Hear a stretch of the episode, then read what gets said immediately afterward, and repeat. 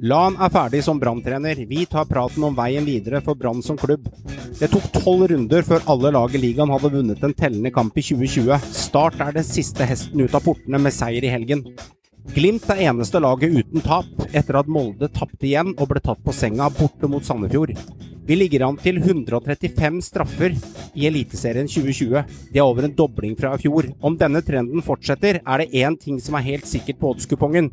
Huk har fått straffespark i valgfri kamp til en odds på 3,20 til 3,60 i hver runde. En stund siden vi så et hat trick i vår vakre liga nå. Velde presenterte seg på beste vis med tre mål mot Stabæk. Velkommen til en ny episode av Synseligaen. Dette dreier seg ikke om taktikk. Det dreier seg om å ville ta ut det du har i magen. Dere er gode. Skjønn at dere er gode. David Hansen! Vålerenga har snudd det! Det mangler bare at taket letter i Valhalla! Så var det lagt inn i feltet! Det er 4-1! 88-55 på tavla! Frode Johnsen har skåra tre!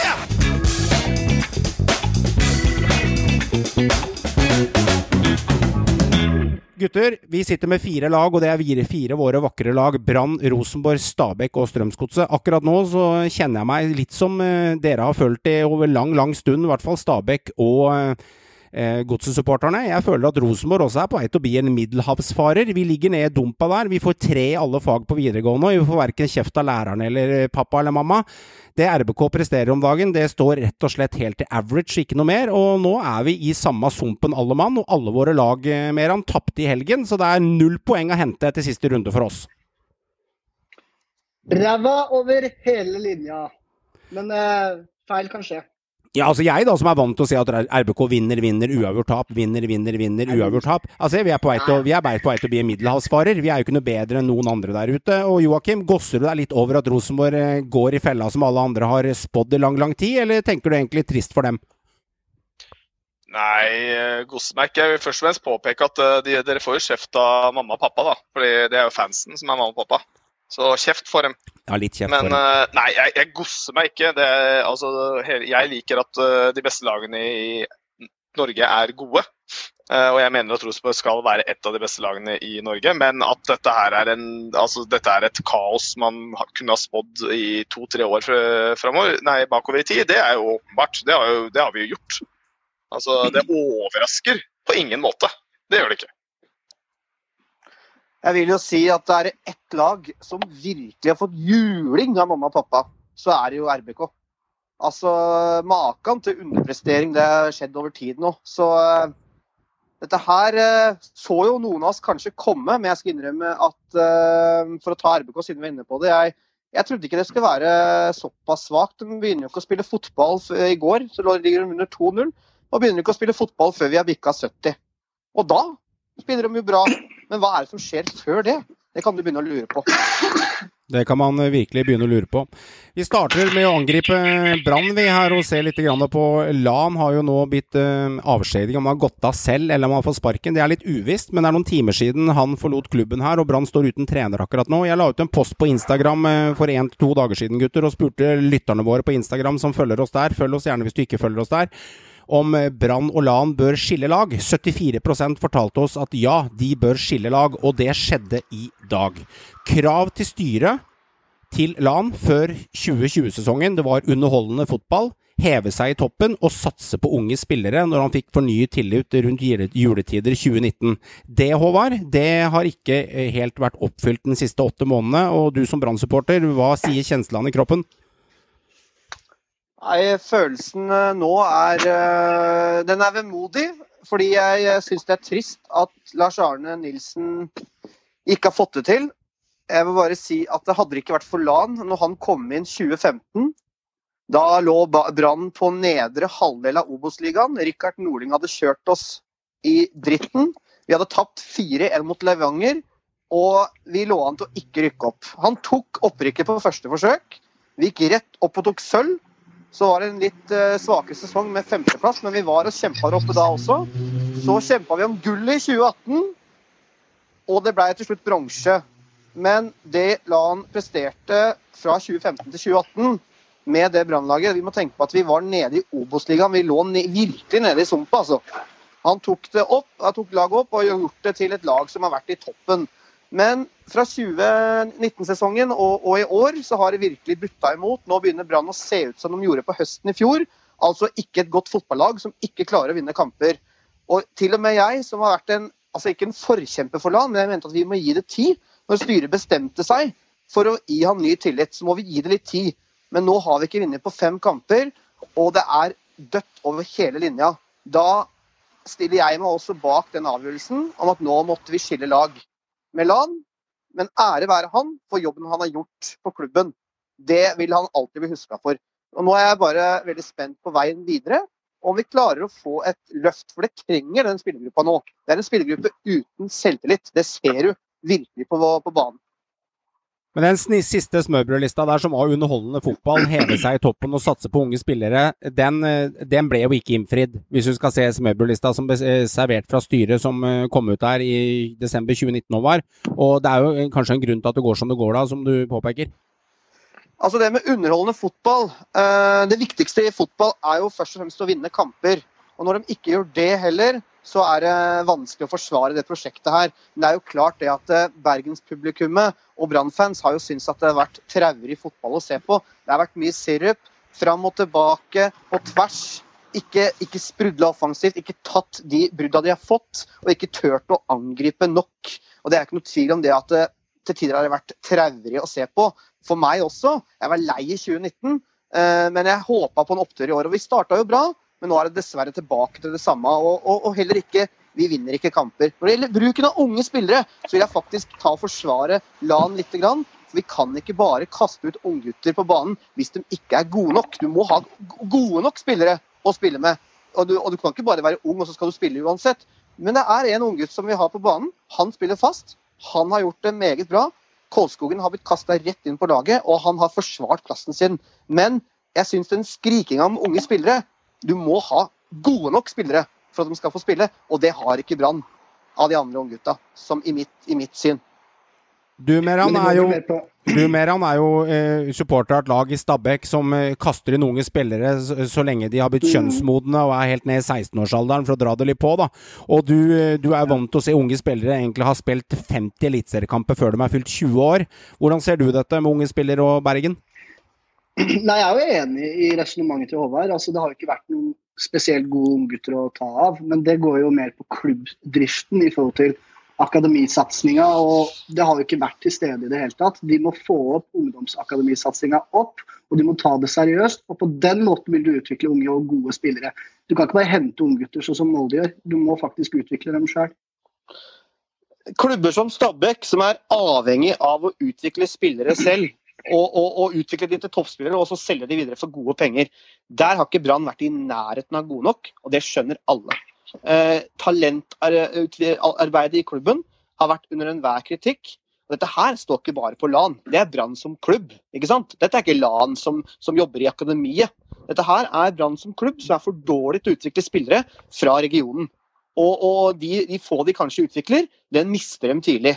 Eh, eller så blir de plukka opp eh, her og der. Men det skal sies at det, mange spillere også, som er unge spillere i Brann, som har gått videre til andre klubber, dem har også falt igjennom der. Så det er dessverre ikke så mange talenter å ta av. Eh, vi ser en Bård Finne nå, som forsvant tidlig. Ja, han dro tidlig ut. Han er av og på i eh, Vålerenga. Du har Kasper Skånes, du har flere andre som Jonas Grønner, Er som, som, liksom, liksom var spillere som skulle ta steget og sånn. Det, det har de ikke gjort. Men, eh, men Zakariassen selvfølgelig er en spiller som, som glapp hos Brann, og en Jakob Glesne som aldri fikk sjansen. Så det er selvfølgelig eksempler på det, og en Emil Hansson som gjør det bra i Nederland nå. Men, eh, men eh, Brann som klubb har en stor jobb å gjøre i talentutviklinga si, og arbeider generelt i akademiet. Og det må utvikles, det er ikke noe tvil om. Nå jo ikke, gjelder jo ikke det bare Brann, nå er jo det en generell utfordring i mange klubber i Eliteserien. Og spesielt klubber som rett og slett uh, har et høyere krav til seg selv enn det er realistisk å stille til klubbene. Det Og det er jo klubber som over lang tid over lang tid har vært store klubber i Norge. Eh, den andre klubben eksisterer jo, altså som kommer i huet veldig fort, eh, ligger jo på Oslo øst, som har slitt med mye av det samme. Eh, og det er jo klubb fordi altså, det stilles helt andre krav fra publikum og fra styret, og det stilles helt andre krav der enn det gjør i Stabæk og Strømsgodset, som to eksempler, da, som er klubber som har hatt ganske god, god historikk med å utvikle spillere selv. Eh, fordi de har blitt tvunget til det, som Håvard eh, påpeker. Men det er faktisk noe i det å faktisk sette fingeren i jorda og skjønne det at jeg tror de større lagene, i anførselstegn, eh, ikke nødvendigvis i poeng, men i hvert fall i antall tilskuere i byen de er i, eh, de er også faktisk nå de er avhengige i større grad av å utvikle spillere selv og få til et ungdomsakademi som funker. Eh, fordi det er sånn fremtiden til norsk fotball kan bygges, og det er sånn klubbene vil bli et etablert eh, stort lag igjen. Hvis de ikke gjør det, så tror jeg det bare ender med opp- og nedturer som det har vært. Det er, eh, som du er inne på, det er lettere for de store lagene å svi av penger enn å utvikle spillerne sjøl, og det er på mange måter feil fokus. Du må jo gjerne Mm. gjøre begge deler. Du må, ha, du må ha fokus på talentarbeid og utvikling av egne spillere, lokale spillere, og så må du kanskje dra på med noen, eh, med noen store fisker inn. da. Og, og det mener jeg mange, mange klubber, som vi er inne på her, mange klubber i Norge har mye å lære av Stabæk på det området. Og jeg vil også si eh, Molde og Bodø-Glimt nå, som har fått frem vanvittig god generasjon. Og Molde er jo en litt annen faktor. De kjøper ungt og utvikler de videre. Men de har også fått frem mye egne spillere. Men Stabæk er jo best i klassen her. Det er bare å se hva de har Uten solgt. tvil. Det er bare å se hva de har solgt. Så eh, nei, eh, du må, man må satse på akademiet sitt. Og utvikling. Det er litt fremtiden for norsk fotball. Vi trenger å gjøre det. Og vi har fått fram mye bra talent også, men det kan alltids bli bedre.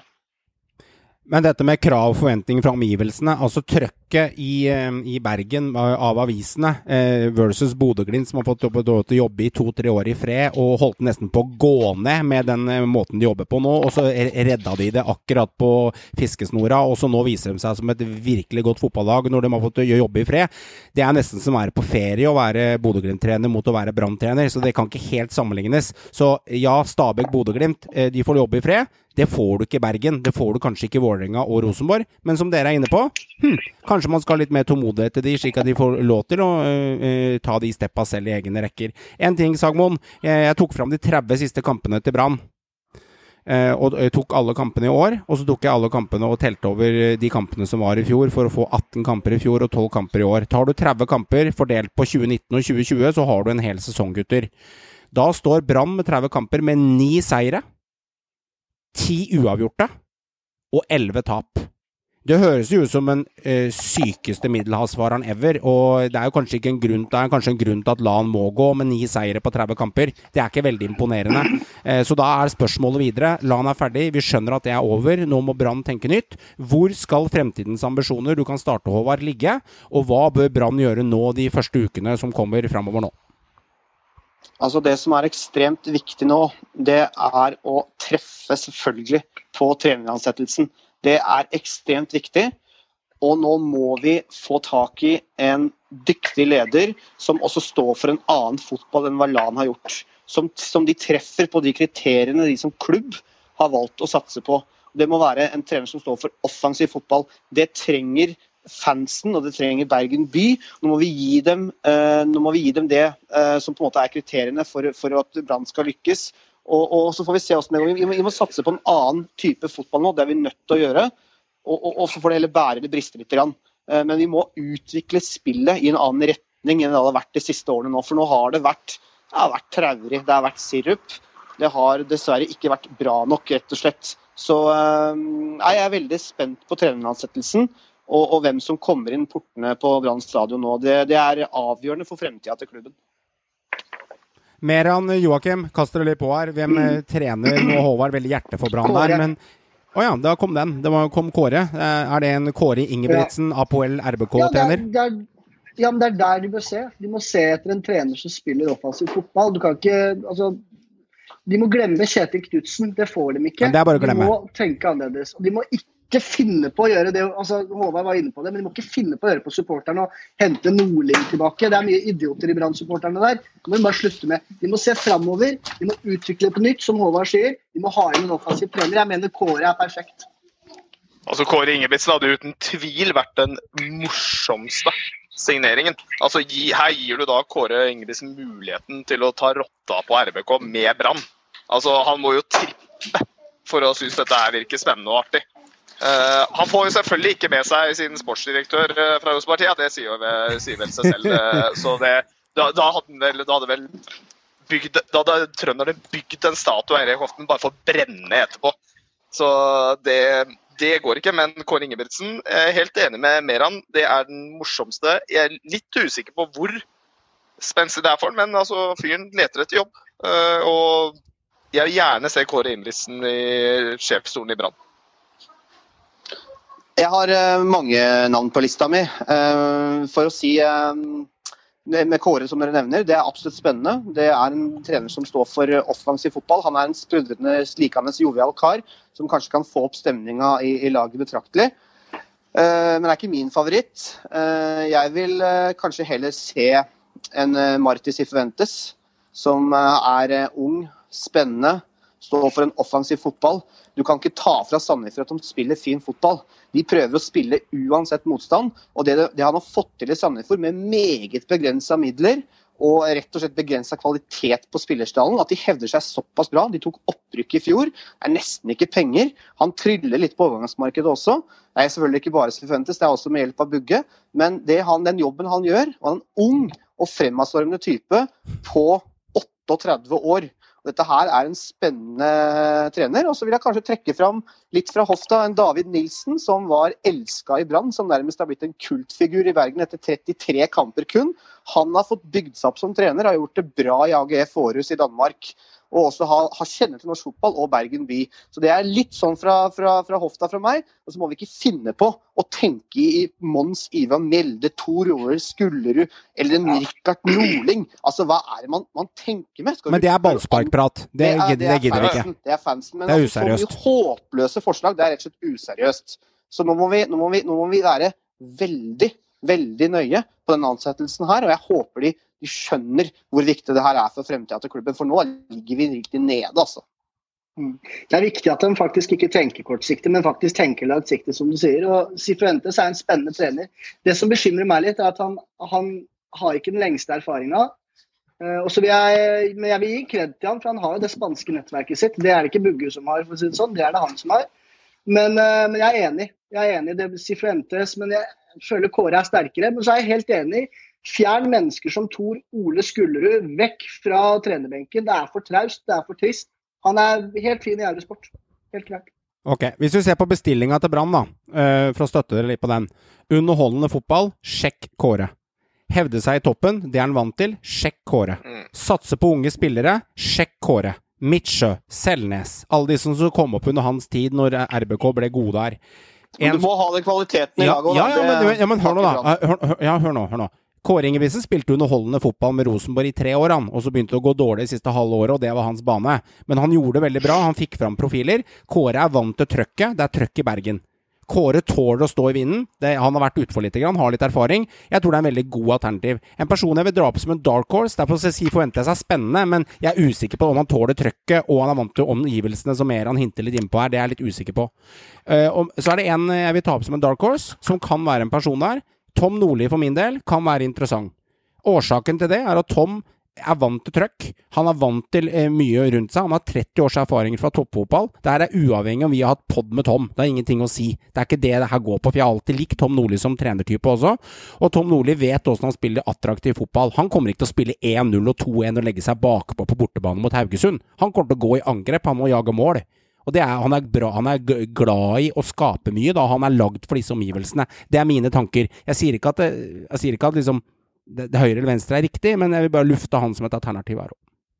Jeg kan Tom Nordli, jeg vil heller tatt han over Fuentes, rett og slett litt, for jeg lener meg litt på det mer han sier. Og jeg, jeg, jeg, jeg, jeg føler ikke han verken har han har ikke pondus nok til det. Altså Det kan godt være det funker, men det blir et sjansespill. Og det, og det er poenget her. Hvis du sier at Mm. sånn som Håvard sier, da, at eh, her må man bruke tida riktig, her må man velge riktig mann, så er ikke Fuentes en person som lyser 'jeg er riktig mann'. Han er en sjansespill som kan gå enten veldig bra eller rett i dass. Kåre Ingebrigtsen er safe, det er uten tvil. Hvis de kan få han, så er det, altså, da er det bare å glemme alle andre. Jeg tror Brann er kapabel til å få han ja, og det er han. Da tar de han. Jeg hvis tror de er kapable kapabel til å få han. Ja, noe, noe annet syns jeg er idioti, hvis de kan få Kåre Ingebrigtsen og ikke velger han. Det er idioti. Tom Nordli, spenstig, helt greit, men han er ikke Kåre Ingebrigtsen. Uh, Og han har ikke de samme merittene som Kåre Ingebrigtsen har. Uh, Så nei, Eh, uten tvil et soleklart førstevalg for meg er Kåre Ingebrigtsen, hvis de kan få han. Kåre er absolutt et godt valg, eh, det er det. Men eh, vi skal huske at han også fikk sparken i Bodø-Glimt. Eh, Han, han var avskilta der oppe. Han begynte å jobbe som bilselger, var innom Viking som assistenttrener. Plutselig var han i RBK. Og den jobben han gjorde i RBK, den kan ingen ta fra han og Erik Hoftun. De bygde opp et lag som lå nede, og de fikk fram mye unge spillere. Og de var, spilte feiende flott fotball. Men det er ikke noe tvil om at det er et sjansespill uansett hvem du ansetter. Og det er ikke noe altså, For å si det sånn, sa Sifuentes, da. Uh, han er ung. Det, det, er ikke, det kan ikke brukes mot han. Ha, før eller siden så vil han få sjansen i en større klubb, og det kan godt være at dette her er en mann som virkelig kan få til mye i, i f.eks. Brann, som er en større klubb og med mer ressurser og med mer fans og den biten der. Så eh, nei, det, er, det er mye gode kandidater. Og Tom Nordli, det trenger ikke være noe dårlig, dårlig idé. Jeg har, vært, jeg, jeg har også vært inne på tanken. Tom han får mye ut av lite. Han. Han er ekstremt god til å snu om på, på stein og få gutter som har lav selvtillit, til å blomstre. Og det har han vist gang på gang. Ja, han har gått på trynet noen ganger òg, men han er god til å snu om på spillere som, eh, som ligger nede og har lav selvtillit. Han er veldig god på å trykke på de rette knappene. Så å gi Tom da f.eks. kontrakt ut sesongen, eh, ikke noe langsiktig foreløpig, jeg vil si at han kan prestere, så tror jeg Tom Nordli kan være en, en eh, morsom eh, kandidat inn som kan eh, faktisk heve det brannlaget betraktelig. Så jeg støtter den litt på Tom, det gjør jeg. Og, og det er ikke noe tvil om at heller Kåre er et bra alternativ. Så det blir veldig spennende å se de neste ukene nå. Og jeg tror at Brann kommer til å komme inn med en fast ansettelse. Det blir ikke noe caretaker ut sesong her, det, det tviler jeg på. Og det taler jo litt negativt for Tom, for du vil heller ha han et halvt års tid, Håvard, og se hva, er, hva, hva vaffeldøra er bygd av her. Ja, ja, jeg, er ikke, jeg, jeg vil ikke ikke han noen lang kontrakt, det vil jeg ikke. Altså, Men det som er, Tom, du, men, eh, du nevner det med Tom, at, at han har gått på trynet noen ganger der. Men jeg ser det som en styrke. Å gå på trynet og reise seg, og gå på trynet og drite seg ut. Altså Det er en ting som er sikkert i fotball. Du får jobber, og så mister du jobber. Men det er hvordan du tar det i mellomtiden, hvordan du vokser som menneske, hvordan du vokser som leder, har også mye å si med ham. Så han har jo mye ballast i bagasjen. Er det en som klarer å Absolutt. Lage pannekakerøre eh, og vaffelrøre uten egg, så er det Tom Nordli. Han får mye ut av ingenting med ham. Ja, jeg er enig i det. Jeg er enig i det. Jeg, bare, jeg veit ikke om jeg ser om det er en god match. Brann Tom Nordli. Jeg vet ikke. Jeg føler faktisk Tom Nordli RBK er en bedre match. Eh, Ja, den er spennende. det, er min eneste, det, er, det er min eneste på en måte Jeg, jeg ser det ikke, på en måte, Tom og Brann. Eh, Da, da ser jeg faktisk heller for meg en, en eh, Dere tok opp Sifuentes som en dark horse. Da tar jeg opp Landro som en dark horse. Okay. Jeg ser for meg heller han da som, eh, som kan være en bedre alternativ enn Sifuentes. Da. Jeg vil bare si det at Hvis du lager vafler og pannekaker uten egg, så smaker det skit. Ja ja, men vi får se, da. Husk på Tom Nordli i 2004 med start. Han tok over et lag i Obos-ligaen. Et, ett og et halvt år etterpå så hadde de 18 landslagsspillere, der hvor eh, jeg tror den åtte-ti av dem var i A-lagstroppen, resten var i U-landslagene rundt omkring i, på U-landslag. U20, U21, U18. Så han skapte mye landslagsspillere av ingenting, eh, Joakim, så han har mye, mye å fare med. Håvard, du skal få siste ord på Brann før vi går videre, for vi dytter ballen videre i programmet. Eh, har du lyst til å melde noe? Har du lyst til å si noen hyggelige ord til Brann eller LAN til slutt, før vi, før vi går videre i dansen? Jeg vil uh, rette en liten pekefinger til uh, BT og BA i, eh, i, i Bergen. Eh, Makan til heksejakt som har vært på LAN eh, i lang, lang tid. Jeg syns det er slag på slag under beltestedet, og nå må de prøve å opptre litt mer profesjonelle og faktisk ikke sitte der som bitre ekskjærester med eksspillere og journalister som, eh, som ikke har fått eh, rett i sine spådommer. Så jeg, jeg er en liten sånn eh, stikk til mediene i Bergen. De må prøve å hvert fall gi han nye treneren litt mer tid. da. Jeg sier ikke mer tid enn han fikk, men litt mer tid før slakten kommer. Og, og, og måten de hauser opp eget lag. Dette her er ikke et lag som er gode nok for å ta medalje per dags dato, mener jeg. Eh, med, når du ser på Molde og Bodø-Glimt og hva de har av kvaliteter. Ja, vi kunne kanskje kjempe om den tredjeplassen. Det er faktisk mulig teoretisk ennå, da, det skal sies. Men vi må se litt på hva vi har også. Vi kan ikke trylle. Så eh, jeg håper at uh, nye mannen som kommer inn, han får litt mer tid til å bygge noe, og ikke rett på slaktinga. Hei, Jørgen Strand Larsen her fra Sarpsborg 08. Du hører nå på podkasten Synseligaen. Ønsker du å få med deg all sladder, synsingen og om profilen i Eliteserien, Abonner på Synseligaen der du hører din podkast. Vi snakkes. To lag i ligaen her som er litt i motsatt bane, og i hvert fall ikke har tenkt å skifte noe trener med det første. Det er Glimt og Molde. Vi har skrytet av de uhem i begge to. Molde fikk en liten eh, ja, sidestikk fra Sandefjord i helgen som var. Vi tar det litt på kontoen for sløvhet eh, til Molde der, for de er fortsatt et solid fotballag. Glimt derimot, de har vist litt grann svakheter, men de drar den seieren mot godset der. og um, Uten å få skryte for mye av begge lagene, for det er strålende fotballag begge to. Akkurat nå så ser dette hesteløpet ut som det er disse to greyhoundsa som kommer til å nå helt inn og slåss om gullet. Men jeg er litt opptatt av én ting. Har disse lagene noen svakheter? Vi kan starte hos deg, Joakim. Har vi sett noe i marg pirken her nå som gjør at det faktisk er noe å ta dem på? Altså Det første som slår meg som en svakhet som jeg syns nå, de siste tre av de fire siste kampene, så syns jeg Glimt har sett sliten ut. Jeg syns de har mangla veldig mye av det trøkket de hadde tidligere år. Det er merkbart mot Godset nå, på bortebane. Godset på bortebane i Bodø, det er ikke en kamp Godset normalt sett mot et Bodø-Glimt som ligger på nedre halvdel, pleier å gjøre det bra mot. Men Godset styrte den kampen i veldig store deler av kampen og tvang Glimt bakpå og tvang dem til å spille kontringsfotball mer eller mindre nesten alene. Det var veldig lite etablert spill. De kom seg litt opp og ned, men det samme var også mot MIF. Eh, det var, det var også, og ikke minst mot Stabæk.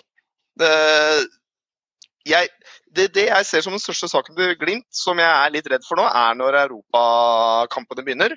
Eh, for det virker for meg, selv om Knutsen har gått ut i mediene og sagt, mer eller mindre sagt at det ikke eksisterer slitne spillere i Bodø-Glimt. Han sier at det har de ikke råd til, og det kan de ikke være. Men de ser, det er slitasje. Eh, jeg syns jeg aner slitasje hos det laget. Ehm, så får vi se, da. Nå får de en uke til å hvile seg litt. Eh, Molde skal gjennom nå masse kamper på kort tid, mens Glimt får lov til å roe nervene en ukes tid. Så vi får se hvordan det påvirker dem, men jeg tror de trenger den pausen nå, rett og slett. Det er ikke noe tvil om at Bodø-Glimt ser litt slitne. Noe annet ville vært jævlig rart òg, med tanke på at de har spilt med samme elver så å mm. si hver eneste kamp. Det er også en styrke hos Glimt på en dårlig dag at de klarer faktisk å få med seg seieren i går mot Godset.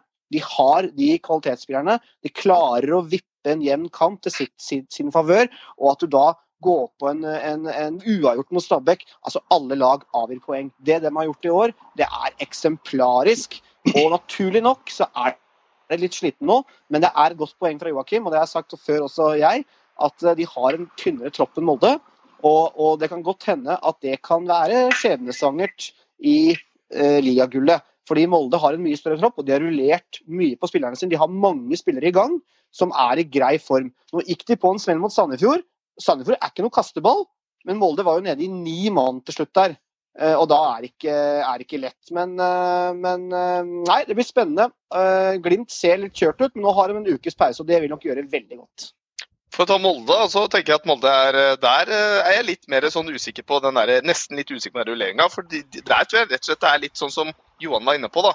Den der ta det på litt Det kan være litt skjepphøye, tror jeg. Jeg tror Molde har en tendens til muligens å ta litt lett poeng, på motstanderne til ny og ne, og ikke styre kampen.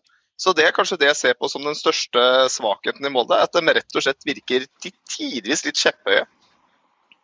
Altså Molde er et solid fotballag, det er ingen tvil, men nå har de tatt to av de Begge dette er solide fotballag. Ja, ja, ja. Det, er jo... Eh, men, det er de to beste i landet. Uten, uten, tvil, de leverer jo strålende nå. Men Molde har tapt to av de tre siste matchene der. Eh, ja, de sendte Vålerenga hjem i skammen der og viste at uh, vi kan skåre mer enn ett eller to mål på Vålerenga, som resten av Eliteserien har vist. Molde de satte inn fire, det, og sa god jul hjem til, god jul hjem til Oslo. Tapte mot Glimt. Det var en uh, veldig bob-bob-kamp, men Glimt var bedre. Og så fikk de med en i sekken nå, som Håvard er inne på, med Sandefjord. Eikrem spilte ikke den matchen eh, Meran, for å få deg inn på den. Og James fikk ikke mye å eh, jobbe med heller. Og jeg sitter med en følelse nå dette er bare en synsefølelse, så får dere svare meg på hva, om jeg er inne på en god følelse, eller om dere er uenige her. De lagene er så suverene nå, Bodø-Glimt og Molde, at når lag møter de nå, ref. Sandefjord og ref. Godset oppe på Aspmyra, så er det litt, litt sånn, vet du her bare kaster vi ut alt vi kan og kjører på og spiller for det det er verdt. Ta, taper vi 6-1, så gjør vi det. Vin, vinner vi 1-2 eller 2-2, så gjør vi det. For holdningen nå blant de lagene som er fryktelig mye dårligere enn Molde og Bodø-Glimt, er litt sånn at vi har ikke noe å tape likevel. Og det var kanskje det som gjorde at Godset klarte å spille ganske Mm. god fotball. Og det var det som kanskje gjorde at Sandefjord vant over Molde. Fordi man kasta alle hestene på sjøen og bare klinte til, og så fikk man faktisk seieren med ham. Ja. ja, man kan godt si det sånn. Men man kan også stusse litt på hvorfor Molde har stilt med tre forskjellige elvere de tre siste kampene. Og jeg, jeg tenker at det er det som gjør at de taper poeng. Men det har de alltid Ja, gjort. De har holdt på sånn siden Solskjær. Ja, yes. Og ja, de har vært flinke til å rullere og tjo og hei. Men hva er din klare elver til slutt, når du rullerer så mye? Det er dette jeg har snakka om før.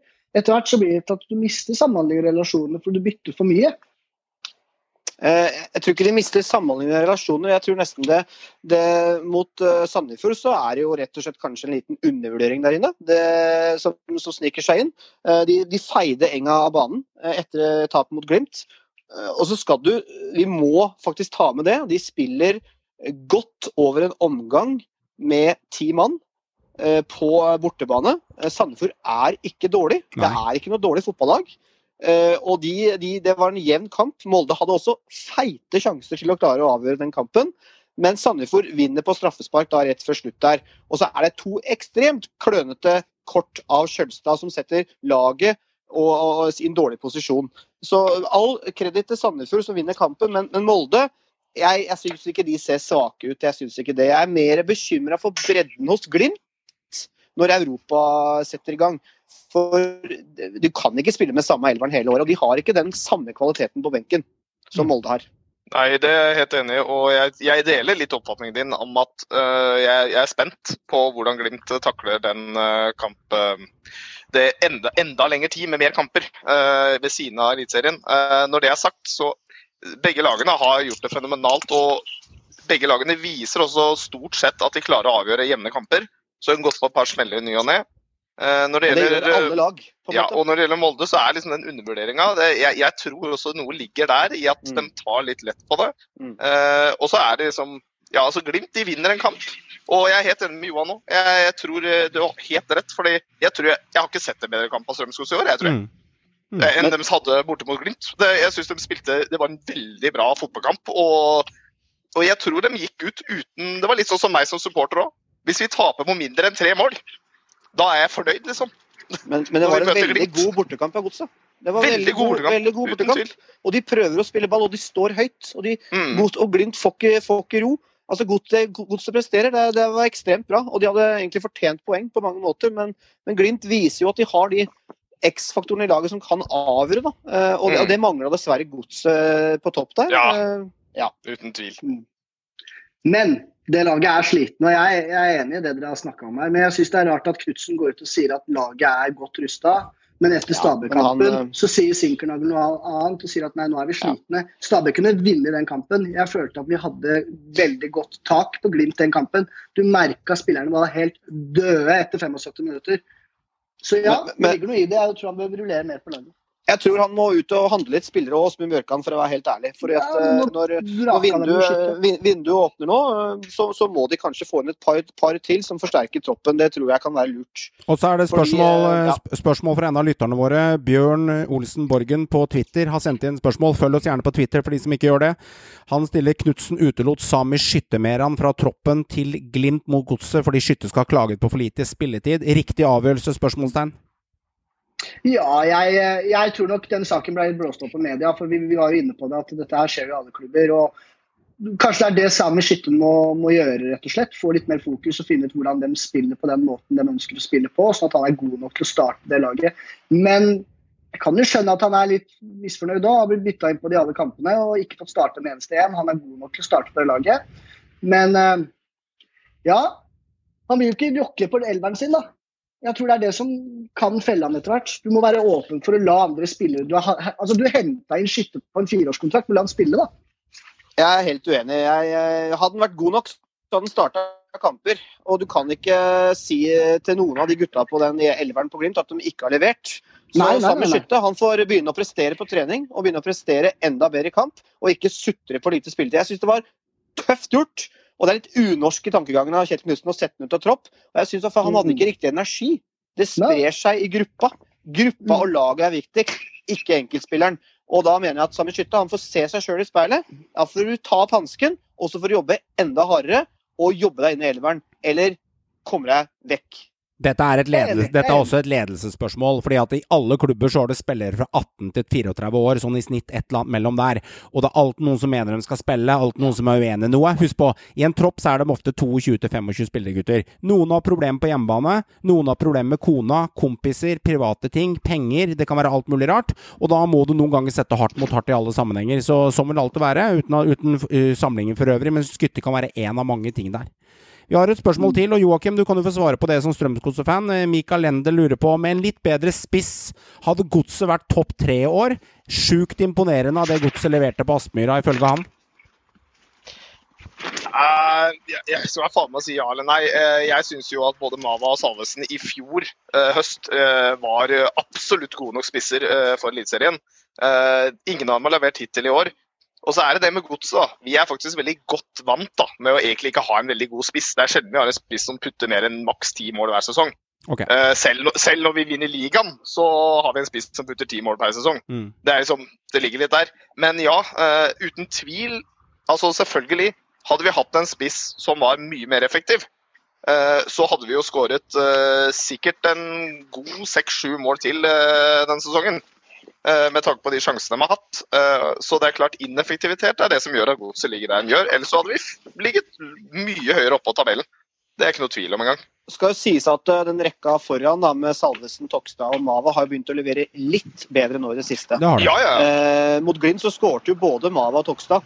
Eh, Ja. Jeg syns at det begynner å se bedre ut foran hos Godset. Tokstad hadde vel kanskje den beste kampen Ja. i Godset-drakt han har hatt på et år. Det Nydelig, nydelig scoring av Tokstad også. Så Mm. eh, kanskje det begynner å se litt bedre ut. Nå er jo Njanis eh, i Kaunix eh, allerede ferdig i klubben, så det ble jo ikke noe godt ekteskap. Så jeg tror nok at det kanskje Godset også bør eh, se seg om etter litt forsterkninger, hvis det er midler.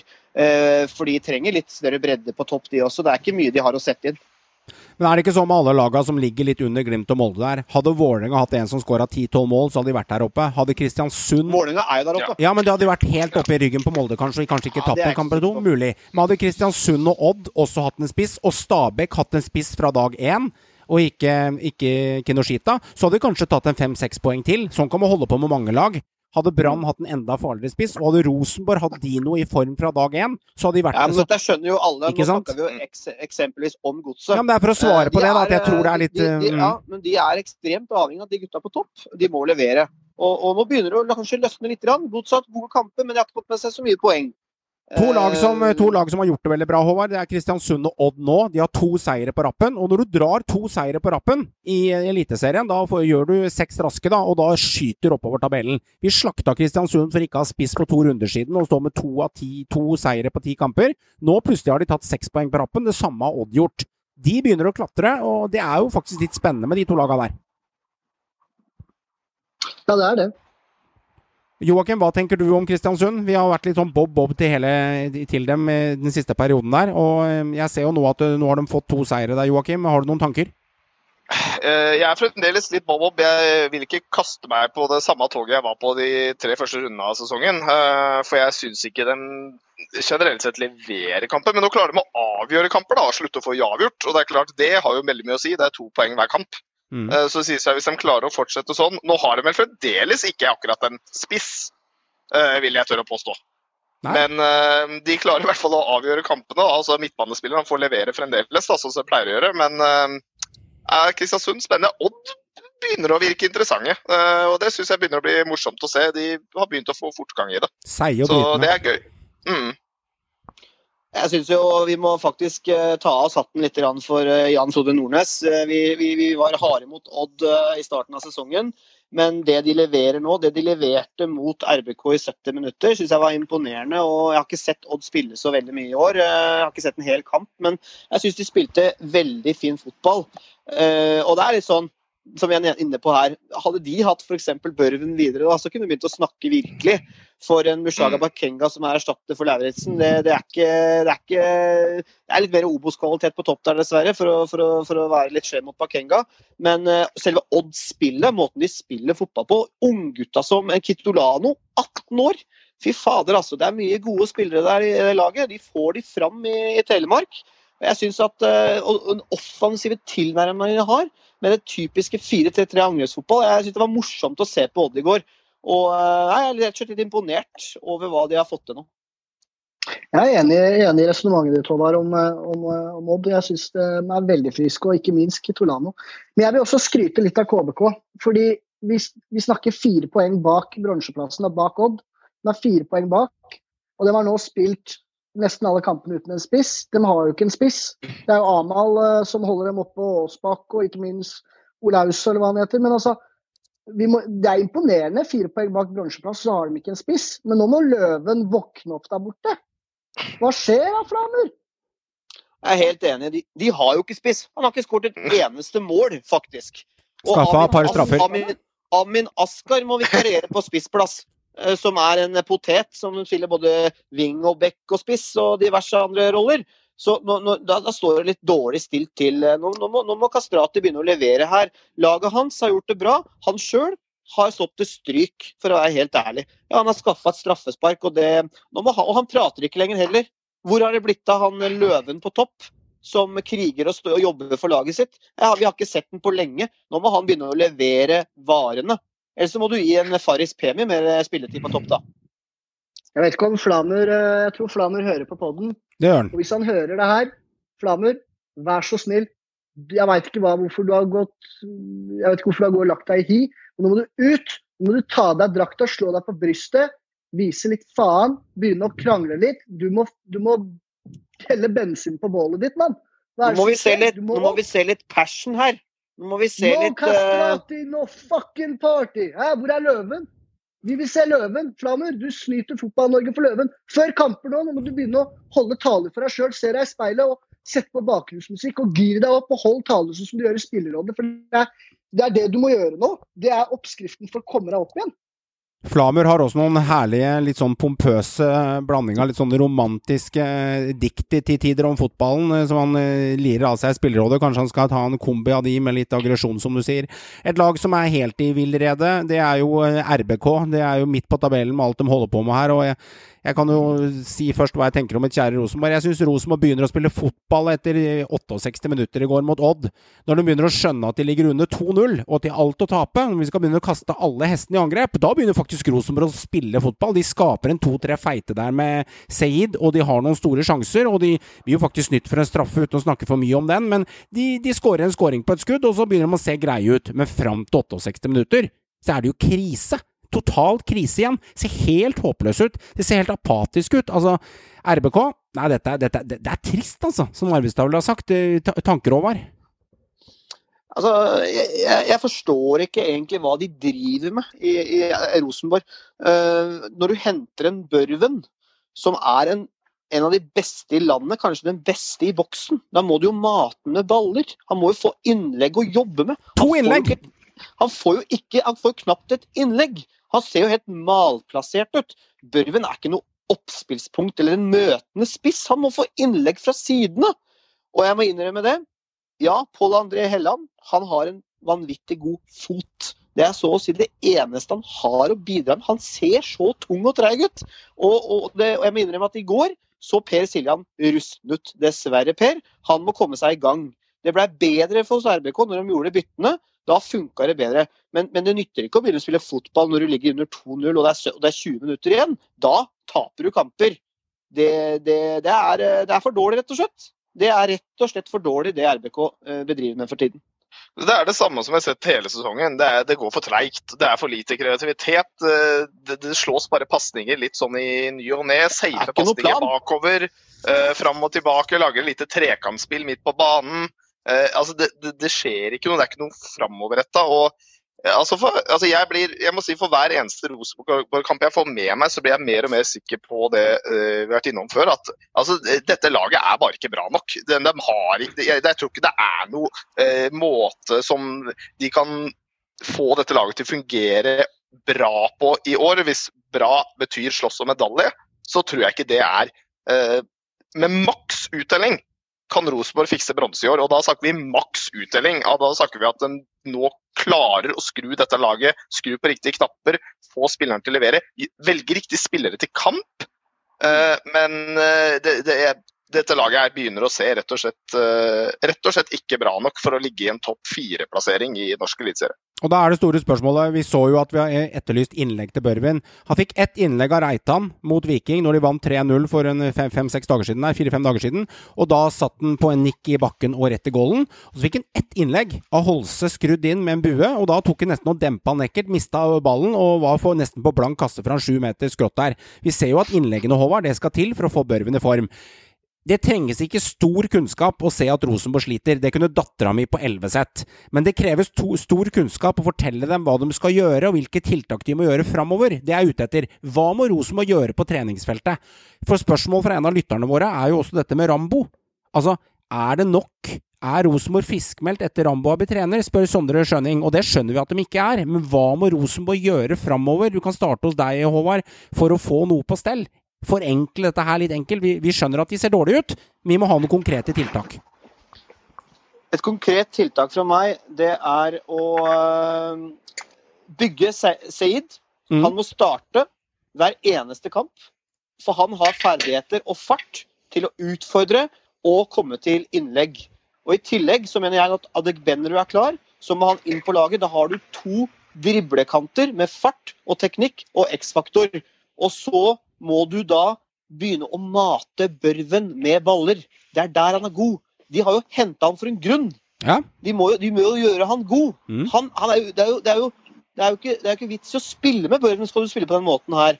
Da vil ikke han skåre mål i det hele tatt. Da kan du heller spille med Dino som oppspillspunkt, hvis det er sånn fotball de har lyst til å spille. Riktig. Som de gjorde under, under Bentner. Ikke sant? Men skal du, skal du gjøre børven god, så må du komme til innlegg. Da må du rulle opp på kant, og så må du spille hurtig fremoverretta. Og så må du få satt midtbanen med Per Sakariassen og Konradsen når han er klar. Men dessverre er nok han ute igjen nå.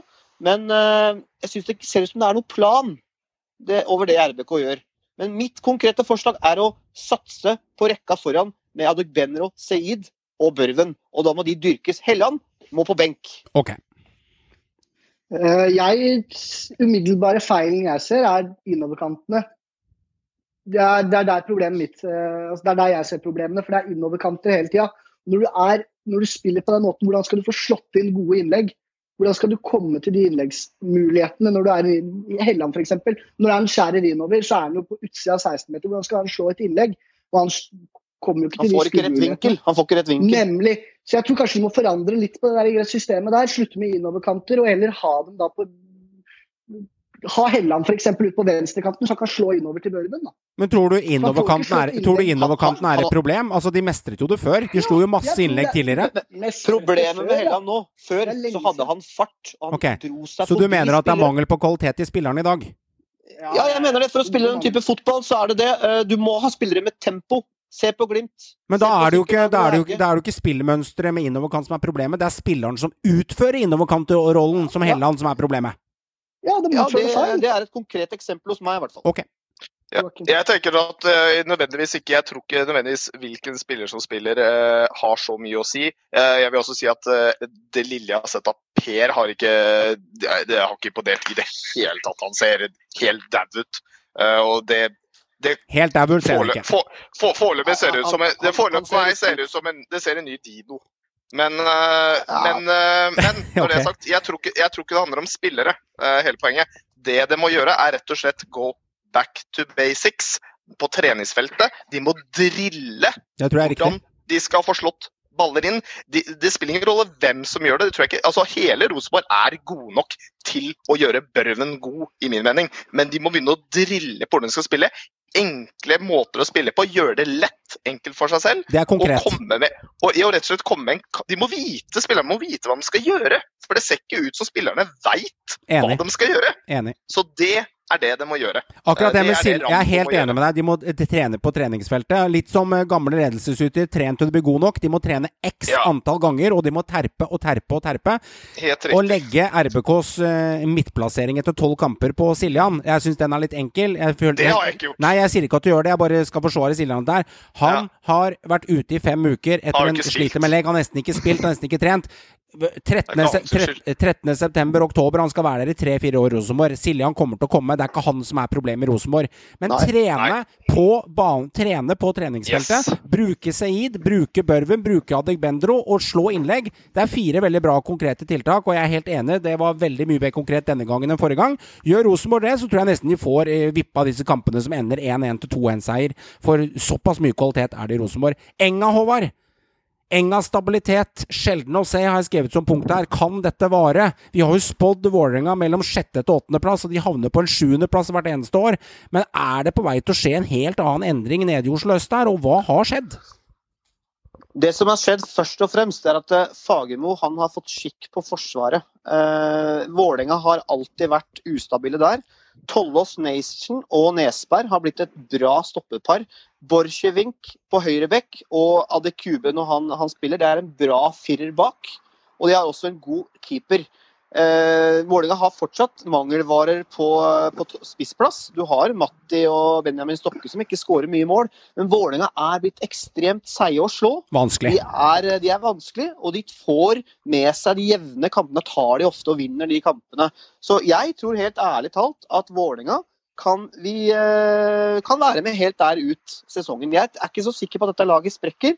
Jeg tror Enga kan eh, virkelig slåss om den tredjeplassen i år. Ikke noe høyere enn det, men, eh, men tredjeplass tror jeg de faktisk kan ta. Jeg, tror, jeg syns det ser såpass solid ut at Enga kan, kan være med der oppe helt ut.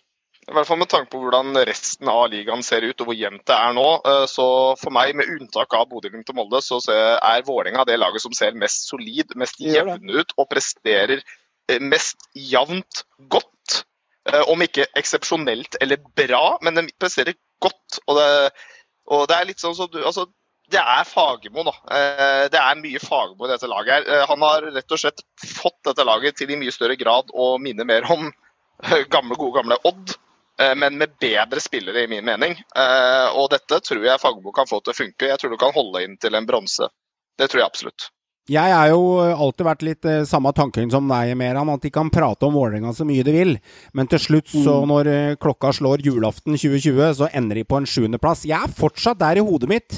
Jeg veit at det er litt sånn å skyte longshot fra 48 meter og prøve å sette den i krysset, men jeg tror de kommer til å falle av, jeg. Hva tenker du? Jeg er enig. Jeg er enig, jeg tror de faller. Men la oss se etter vinduet, da. La oss se etter vinduet om de klarer å beholde Dønnum og, og se hva de klarer å få inn. Men for meg, så jeg, jeg står på stedet hvil. Altså, Mikrofonen din, Meran. Mikrof eh, hvis du retter litt mikrofonen din, så hører jeg Takk. Hører meg nå? De overpresterer, slik jeg ser på det. Det er, det er 100 pga. Fagermo. Eh, tar du bort Dønnum, så syns jeg det er en middels tropp, egentlig. De trenger en spiss, og så er jeg spent på om de beholder Dønnum. Men de har levert Ja. jævlig bra, da. Det skal sies.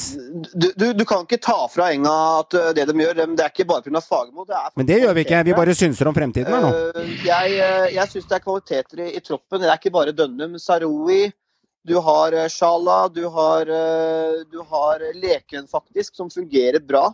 Du har en bra tropp. Enga har mye gode spillere med spennende kvaliteter. Bård Finne starter plutselig, skårer to mål mot Brann, riktignok på straffe, men du har spillere i den troppen som kan utgjøre en forskjell. Det er også mye talent der. Eh, Men den største mangelen er spissen. Eh, Det har vi nevnt flere ganger. Men Enga taper jo ikke kamper, bortsett fra mot eh, Molde. Uh, og de har vel to tap, så vidt jeg vet. Og de får med seg De, de bikker de jevne kampene favør- sin favør. Mm. Og det er et, veldig- en veldig styrke hos et lag. Og så tror jeg ikke det handler så mye om, om Vålerenga, eh, om de faller av eller ikke. Da tror jeg heller det er snakk om hvilke lag som eventuelt klarer å skjerpe seg. Eh, altså Det krever eventuelt at lag som Kristiansund klarer å stabilisere seg der hvor de var i begynnelsen, eller at Rosenborg Mm. begynner å finne tilbake igjen. Det er det som kommer til å avgjøre om Enga havner på tredjeplass eller ikke, tror jeg. Ikke at Enga faller sammen. Det er at de andre lagene begynner å skjerpe seg, begynner å spille jevnt bedre.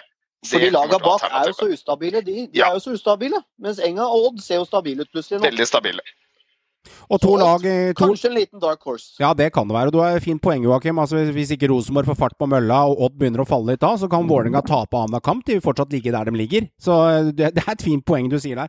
To lag som har begynt å i- på den trenden begynt å gå litt motsatt vei. Jeg skal skryte litt av deg, Joakim, etter forrige runde, hvis lytterne våre husker det. Du spådde mye av resultatene. Vi kasta oss på noe av de og var enig i noen av de. Men du hadde veldig spot on i midtrunden, den runden der hvor bl.a. eh, eh, Rosenborg slo Viking 3-0. 3-0 der. Jeg var jo skeptisk selv til det, men du hadde Jeg tror du traff på eh, sju og åtte kamper på spådommen din på resultattipset. De kampene som foregikk i går, der spådde vi ingenting. Vi tok midtrunden som var. Eh, Bra, bra spotta deg på mange av de. Og vi var inne på ett resonnement som alle var enige i studio, og det var at Start trenger å få en skikkelig utblåsning med en 3-4-1-seier. Eh, for de har- bor mye i dette startlaget, og vi har vist at de har mye, mye sprut i beina som kan eh, komme til et resultat, og det viste dem med at de tok en sterk 3-0-seier i helgen der. Jeg tar opp to lag til dere, og det er Mjøndalen. De, eh, det begynner å peke nedover nå, men Start derimot, de har ikke tapt på fem kamper. Så Start begynner å være virkelig inne på noe, og vi har et spørsmål fra eh, Siggyboy82. Uten sammenligning for øvrig med Brann og Mjøndalen, men eh, hvorfor har Vegard Hansen fortsatt jobb? Og vi kan starte hos deg, Joakim. Eh, Jeg tror Vegard Hansen holdt på å si Det sto en overs overskriften i dag på VG eh, var det vel som uh, sier det veldig tydelig. Mjøndalen er ikke en klubb som sparker trenere. Og jeg tror det er litt sannhet i det. Altså Poenget er at du, du må huske på at Vegard, altså Vegard Hansen er jo Mjøndalen. Altså Å sparke Vegard Hansen i Mjøndalen, altså hva, hva har det igjen en da? Mm. Eh, så altså, jeg tror han er der rett og slett fordi han er en så viktig person i den klubben. Og jeg tror han nesten er viktigere enn tabellplasseringa til eh, Mjøndalen. Eller Jeg nesten veit han er viktigere enn tabellplasseringa, så lenge de Jeg tror han til og med kan tåle et nedrykk, faktisk. Eh, faen, jeg tror fint han tåler et nedrykk. Er det sunt, sunt? men- Er det sunt at én person er så viktig? Ja, altså du må jo legge litt til grunne også laget det er snakk om. da. Vi har jo vært inne vi var inne på det før sesongstart også. Mjøndalen i år, altså det er økonomi, det er størrelse på klubben. altså Det er ikke en klubb som kommer til å slåss høyt oppe på tabellen. De kommer til å slåss mot nedrykk. Det har vel de fleste i hvert fall vært veldig klare på helt fra dag én. Uh, og de har sett ja, det, det altså De har bare sett frykt ut. Altså Det er ikke noe annet å si. De har sett uh, helt hjelpeløse ut uh, de siste rundene. Helt hjelpeløst. Det, det verste er at de har ikke klart å, å levere det de pleier å gjøre med trøkk og innsats og, og moral også. Og når du tar bort det fra Mjøndalen, da er det et ganske middelmådig lag. Det er jo et kollektiv først og fremst som, som har veldig trøkk i spillet sitt, og duellkraft og den biten der. Jobbe for hverandre, ikke sant. Kameratskap. Det har du liksom ikke sett nå. De ble jo, de ble jo feid av banen i går mot start. Og nå har jo Ibrahim slutta å skåre. Brustad er jo vaksinert, dessverre. To-tre feite mål. denne i helga igjen. Ja, altså Det er fælt å se på en, en spiss som brenner så mye. og som alle, altså, Han har ikke skåret på, han har ikke skåret mål siden siste serierunde i, i fjor. Det var riktignok et viktig mål fra Brustad. Men eh, nei, det, og Gauseth spiller ikke. Gauseth er skada. De, de, de hadde nok ikke tapt alle disse kampene med Gauseth på banen, for tilstedeværelsen til Mr. Gauseth den er viktig for Mjøndalen. Og den viser seg nok en gang eh, hvor viktig han er for det laget. Men jeg tror ikke vi skal begynne å snakke om sparken på Vegard Hansen. For eh, som du sier, Joakim, han er Mjøndalen. Han har bygd opp den klubben. Med, Kenneth Carlsen med bare nevene, holdt jeg på å si. han, altså fra han og. Kenneth Carlsen vi skal ikke glemme Mm. Kenneth Carlsen Nei, nei, nei. han og Kenneth Carlsen har bygd opp den klubben på egen hånd. Og de tåler et nedrykk. Vegard Hansen får ikke noe sparken. Men de er nødt til å gå back to basic, Mjøndalen. De er nødt til å krige og slåss og kjempe for Mm. poenga. Og, og litt tilbake til det de var holdt jeg på å si, gode på i starten av sesongen. Og Meran, Pizza og øl. pizza og øl. Ja, men pizza og øl altså, det, er, det er et herlig bilde. Det viser jo at Vegard Hansen Det er med, med pizza og øl, og eh, her feirer vi at vi ikke har vunnet på sju kamper, eller hva det er. Og Og, og, og det kan være viktig for en gruppe, det. sjarm, Å tenke tenke på noe annet og kose seg. Ålesund-gutta var jo på opplevelsestur. Håvard Ålesund-gutta var jo opplevelsestur. Men jeg kan ta de neste tre kampene til, til Mjøndalen der. De møter Haugesund nå, eh, hjemme. Og så møter de eh, Mjøndalen møter de Brann borte. Den kan bli Brann har allerede gått tak på Mjøndalen i det hele tatt. Og så møter Mjøndalen Rosenborg på, eh, på, på, på konsto etter det, eh, litt over midten av august der. Så det er ikke lett program, Joakim, for Mjøndalen de neste rundene der. Nei, Haugesund har jo virkelig begynt å spille fotball igjen. Altså, De har jo kommet seg. Eh, De har funnet litt tilbake igjen til det de er gode på, og de har til og med begynt å finne en spiller som skårer litt mål. Mm. Eh, Så det er klart at eh, Haugesund er ikke Av de tre, da, for å være helt ærlig, så tror jeg den første kampen kanskje er den tyngste. Fordi ja, men Mjøndalen har et veldig godt tak på Brann. Ja, ja. altså, men de har også ganske godt tak på Rosenborg. Spesielt hjemme. Ja. De har Jeg- jeg- gjort det bra mot Rosenborg i flere sesonger. Hvem, da? Hvem da? De taper sjelden mye. Mjøndalen. Nei da, de har vunnet én der. Det var den magiske De må ikke vinne, Johan. Jo. De må ikke vinne, Ja, men de, men de vant de én gjør seg sjelden bort. Ja, de gjør seg sjelden bort, men de Rosenborg er pleier, å dra, pleier å dra det land med 1-2 eller Ja, 1-3 ja, til slutt. land, men, eh, det, men i den formen Rosenborg er nå Nei, da kan alt skje. Da kan alt skje. Alt kan skje i hver kamp uansett. på en måte. Det er ingen lag som er sikra å vinne uansett. Men en Vardsi, da. I fjor, husker dere den kampen, gutta? Er det flere av dem? Én Waji? Er, det- er det flere Eh, Det er flere. Det er flere, det er flertall. flertall. Ja. Han, Sannsynligvis et par til i verden. han herja jo og ødela Mjøndalen på egen hånd med hat trick på, på Konsto der. Så eh, ja, jeg hadde skjelva litt i buksene hadde jeg vært MIF, og det er ikke noe tvil om at de trenger en seier nå. Den rekka er det sju kamper nå uten seier. ja, det er noe sånt noe, stemmer det. Den eh, begynner å bli lang. Eller nei, det er sju tap. Er tap. Det er ikke sju kamper uten seier, det er sju tap på rad. Sju strake tap. Den er seig, den rekka der, altså. Ja. Men jeg må si en ting. Altså Start, altså det fem kamper nå. De har møtt Brann der, de har møtt Rosenborg der, de har møtt røffe lag. Og de hadde, et, eh, hadde Molde på, på kroken lenge der òg, selv om Molde tidlig i 2020 klarte å bikke dem på overtid der med Gregersen. Men jeg sier Start, de har tatt tak. Og de har noen spennende typer som var inne på sist. Mange fine spillere. Vi skal ikke drive en oppramsing av de spillerne igjen, men det er gøy å si at vi traff gutter på at Start fikk en, eh, fikk en liten eh, utblåsning der, og at de klarte å dra i land en eh, 3-0-seier. Og det er gledelig å se at eh, synserne i Synseligaen dere traff ganske spot on på den. Hei, Amal Pellegrino fra Kristiansund. Vil du vite hvordan det står til med profilene i Eliteserien? Lytt til Synseligaen. Spillernes oppgave er å levere på banen. Din oppgave som lytter er å bedømme oss i etterkant. Og et eh, ikke spillere vi kan bedømme i etterkant, men vi kan jo ta et lag som eh, faktisk ser nesten helt ferdig ut, og det er eh, Ålesund. Jeg starter med et eh, spørsmål her fra en eh, lytter av oss som lurer litt på dette med Ålesund. Og han heter Bjørn Olsen Borgan, den kom inn fra Twitter. Er det slik at Trebekslinja, Joakim, til Bohinen kan fungere mot antatt svakere motstander, altså ref. Obos, og at derfor er hovedårsaken til at ÅFK ikke lykkes i Eliteserien? Uh, nei, al altså, da syns ikke jeg at nødvendigvis Sandefjord heller har eh, eh, Eller ja. Hva, Vi går på Ålesund, Jeg det i- ÅFK. Jeg, ja, jeg er helt i uh, Ørska nå. Uh, altså, Trebekslinja har vi diskutert opp og ned. Uh, bare, det er så naivt og det er så tullete. Altså, det, jeg skjønner ikke altså, Hadde ikke Ålesund hatt Fridtjonsson, eh, så tror jeg ikke Ålesund hadde Det er- jeg tror de har det er et godt poeng. Tror jeg, de jeg tror de har skåra fire mål hittil i år. jeg. De Ja. hadde ikke hatt sjans, de hadde vært helt borte. Altså, De har jo ikke sjans, de blir jo pissa på hver kamp. De har jo ikke sjans, men altså, han er jo den eneste spilleren eh, som i det hele tatt klarer å dra i land noe som helst på toppen noe som ligner på noen poeng. Eh, jeg syns det ser så Det, det er så stakkarslig at eh, Og de lærer ingenting. Det er det samme hver forbanna kamp. Eh, det, de har ikke lært noen ting fra runde én. Eh, jeg skjønner ikke at det går an. De må gjøre noe der. Og nå, eh, nå ser jeg at Fridjonsson han er aktuell for eh, utenlandske klubber. Det snakkes om faktisk Serie A og eh, Serie B-klubber. Og dette er en spiller som har kontrakt ut sesongen. Så her må nok Ålesund bli tvunget kanskje til å selge. Og hvis de selger Fridjonsson, da er det da er det bare å eh, si ha det bra, Eliteserie. Velkommen Obos.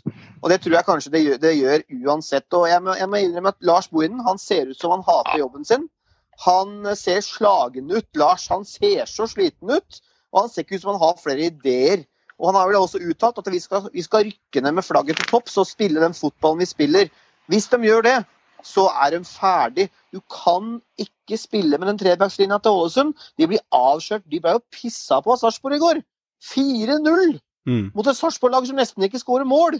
Nei, det, det, ser, det er nitrist, og det er, eh, det er dårlig ledelse, altså. Rett og slett.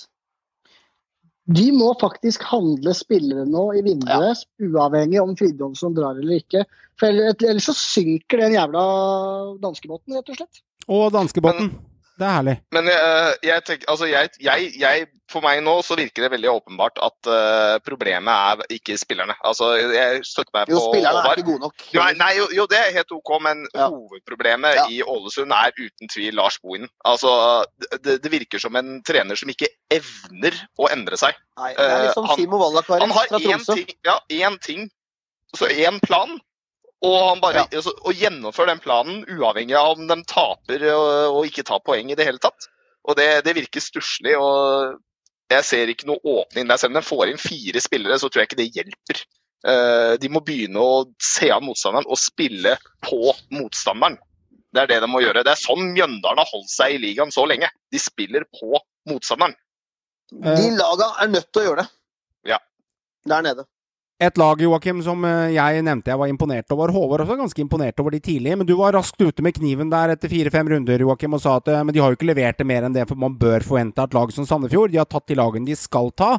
Men når man summerer opp nå etter tolv runder, Joakim, så står jo faktisk Sandefjord med 13 poeng. Og det er godt over den stygge kvalik- og nedrykksplassen. Er du imponert nå, Joakim? Eller er du fortsatt litt på vent? Eh, Jeg er for så vidt eh, Jeg er veldig imponert over at de er de, si, Her sier jeg mot meg selv da, når det gjelder Ålesund. men Det er herlig. Dobbeltmoral er også en moral. Ja, er, men de er litt tro mot eh, det de tror på, da. Men de får det jo til. Altså, de, de får det jo til til en viss grad. Ja, jeg er imponert. Årsaken til at de ligger der, er ikke fordi jeg syns Sandefjord har vært så veldig gode, men det er fordi at de bak er så ræl. Mm. Men ja, selvfølgelig. De ligger mye bedre an enn det jeg trodde de ville gjøre etter ti runder. Det er det ikke noe tvil om engang.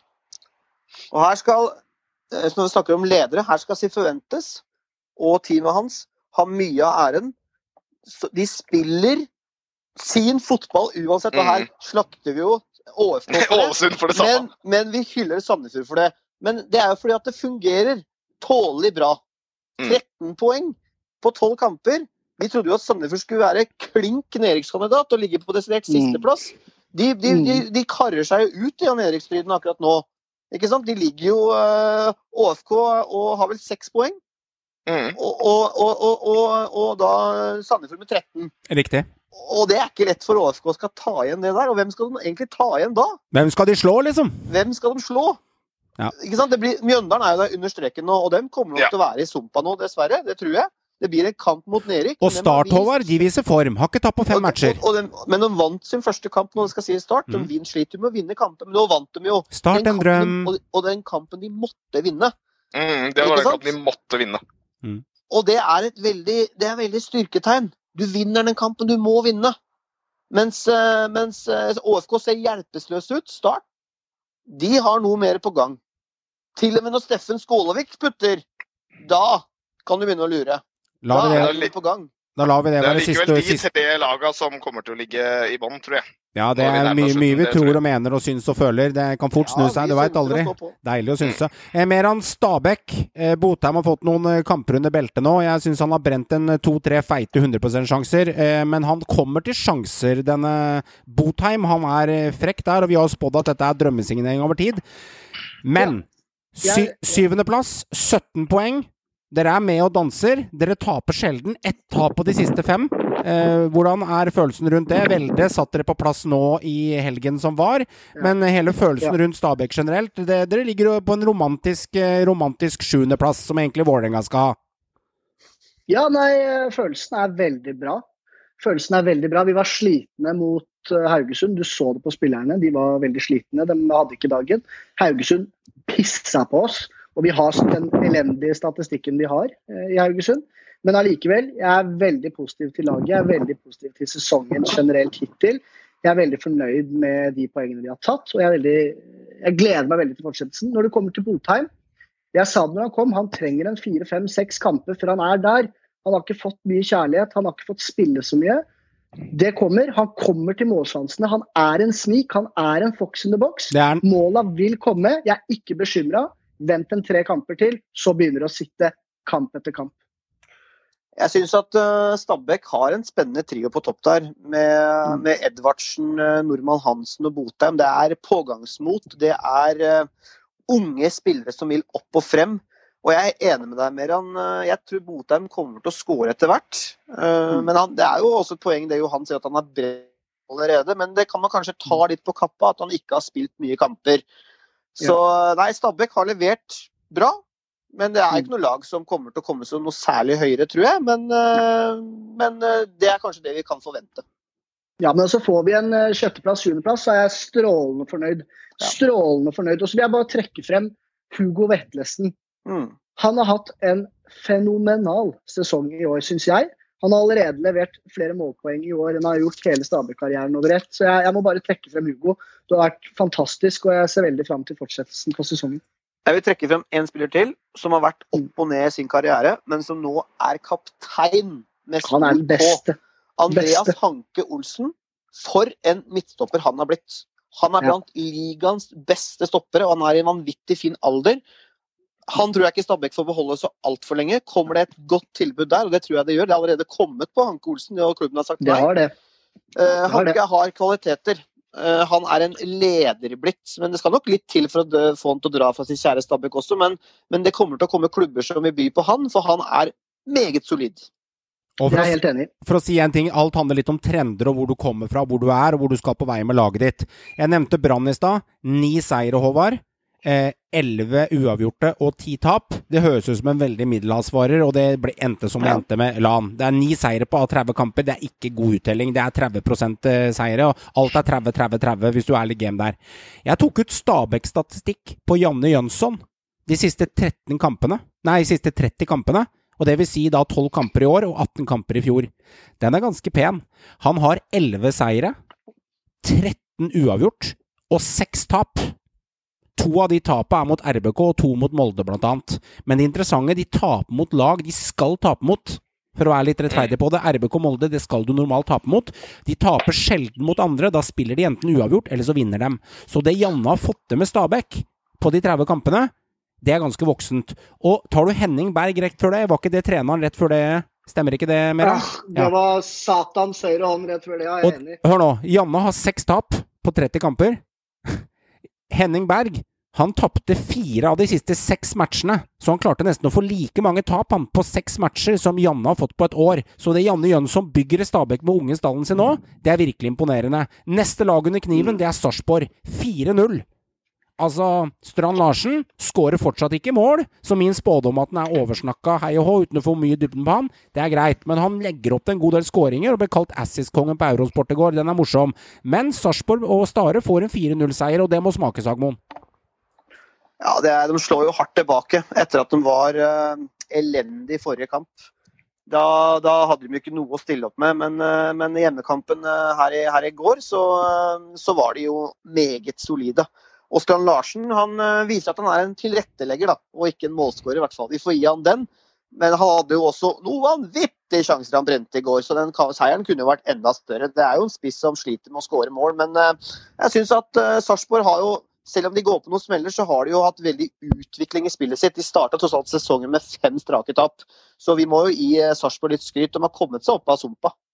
Ja, altså du må jo som du må se på utgangspunktet. De starta helt Ja. horribelt, men eh, altså de, de, de har liksom, de, Det er litt sånn der fra kamp til kamp, men nå tar de trepoengere. Altså, de, tar, de vinner kamper, eh, og de spiller godt. Og det har de egentlig nesten gjort Ja, hele sesongen. De har hatt mye bra spill. Eh, Så Sarpsborg ikke redd for i det hele tatt. Eh, De tror jeg kommer til å fint plassere seg midt på tabellen. Jeg tror ikke det er noe Ja. å tenke på. Enig i det. Jeg tror ikke Sarpsborg er i noen nedrykksstrid, og heller ikke noe høyere enn det.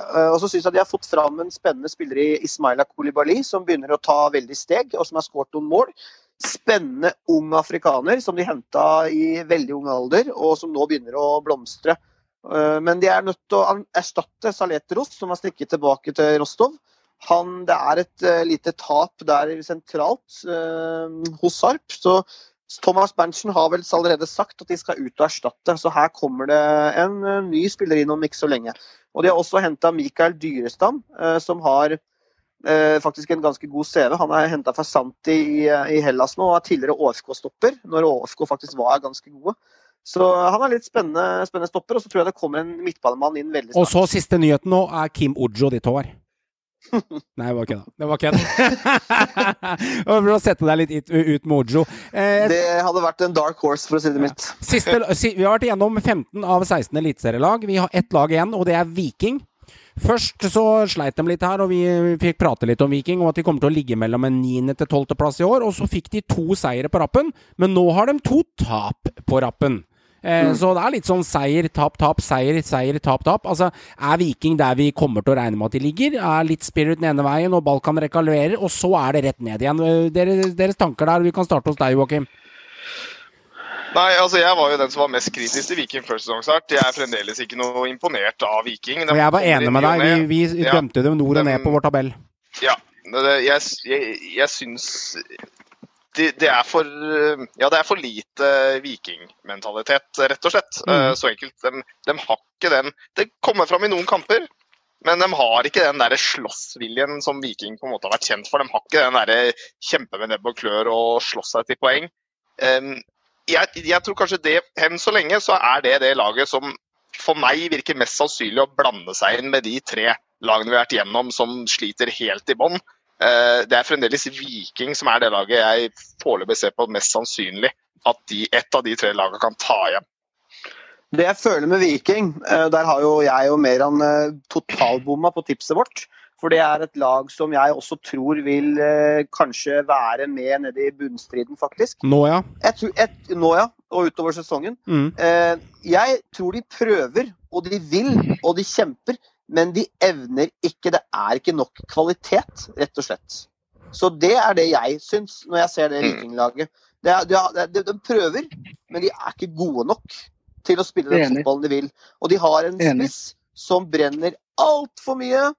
Ref Veton. Nå skåret han riktignok på hodet sist, men så mye sjanser han får Han har litt målpoeng, altså. Han har litt målpoeng. han har målpoeng, men de sjansene han har brent, det er altfor mye. Rekka foran med Balkan-gutta, den er OK. Men eh, ellers så syns jeg det ser tynt ut, for å være helt ærlig. Og min drømmebekk Pereira, som jeg håper å se Rosenborg om x antall år, han leverer jo ganske godt, men du kan ikke drive laget lag aleine som venstrebekk. Men hvis du ser fire kamper tilbake, Meran, så slår de Haugesund borte. Da var Haugesund litt grann shaky, og så tar de Sarpsborg hjemme. Ikke sant? Da hadde de to fine på rad der, med, med, med en eh, 0-2 og en 3-0-seier. Og så fikk de eh, Tapte de mot Rosenborg borte 3-0. Rosenborg fikk flyten og skåra på sjansene. Der var Viking strålende i første omgang, og Rosenborg så ikke ut. Men igjen er poenget mitt var de så strålende, eller var Rosenborg bare så svake? Det er alltid litt synsing rundt, så det er vanskelig å vite helt. Og så, til slutt, nå, så tapte de eh, kampen som var i helgen, eh, 1-2 mot Kristiansund. Der var de snudde det til slutt. Så det er to seire, det er to tap. Viking er veldig ubestemmelig. Jeg setter aldri huslånet mitt på, eh, på en vikingseier den ene eller andre veien. Men jeg kan godt sette den på en straffespark, for det er en god del straffespark i de kampene Viking spiller. Og det er alltid litt eh, underholdende. Nå, gutter, nå veit dere hva som gjelder. Nå skal vi kjøre denne. Hei sann, det er Lars Jørgen Salvesen fra Godset her. Nå er det tid for quiz, gutter. Spis ørene, gjør dere klare. Nå skal det kjempes om poeng. Det er rett og slett avslutningen eh, på quizen, dette her nå. Nå er det oi, oi, Oi, oi. oi, oi, oi, oi, oi, oi. Ikke sant? Dette blir spennende. Så det vi skal uh, si nå, er at uh, Meram, du skal få to ekstraspørsmål av meg i dag, siden du har to til gode.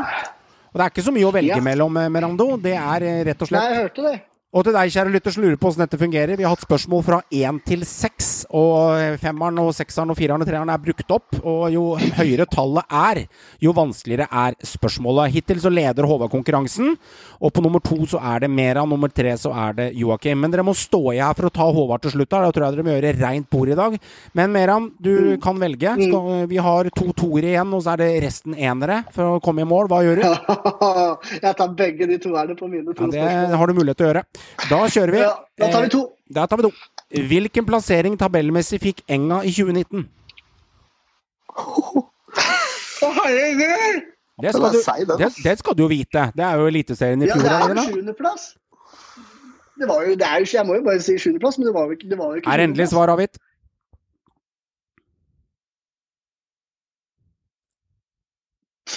Tiendeplass, ja. Nei, sjuendeplass. Det må bli sjuendeplass. Jeg sier sjuendeplass. Du må gjøre et svar. Velger du ti eller sju?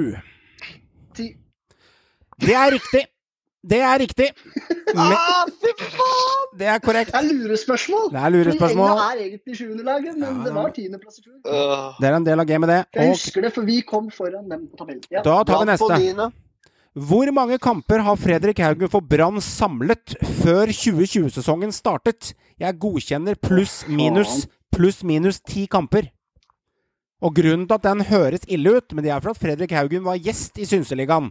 Og da er det en av Mm. overskriftene på poddene våre, så den bør du vite, min gode venn. Så den gir kun to Har du hørt den podden, Meran? Ja, har du hørt Ja, jeg har men jeg har faktisk glemt eh, Jeg har ikke kontroll opp mange kamper Brann spiller, men jeg, men jeg har, en, eh, har en viss formening. Ja.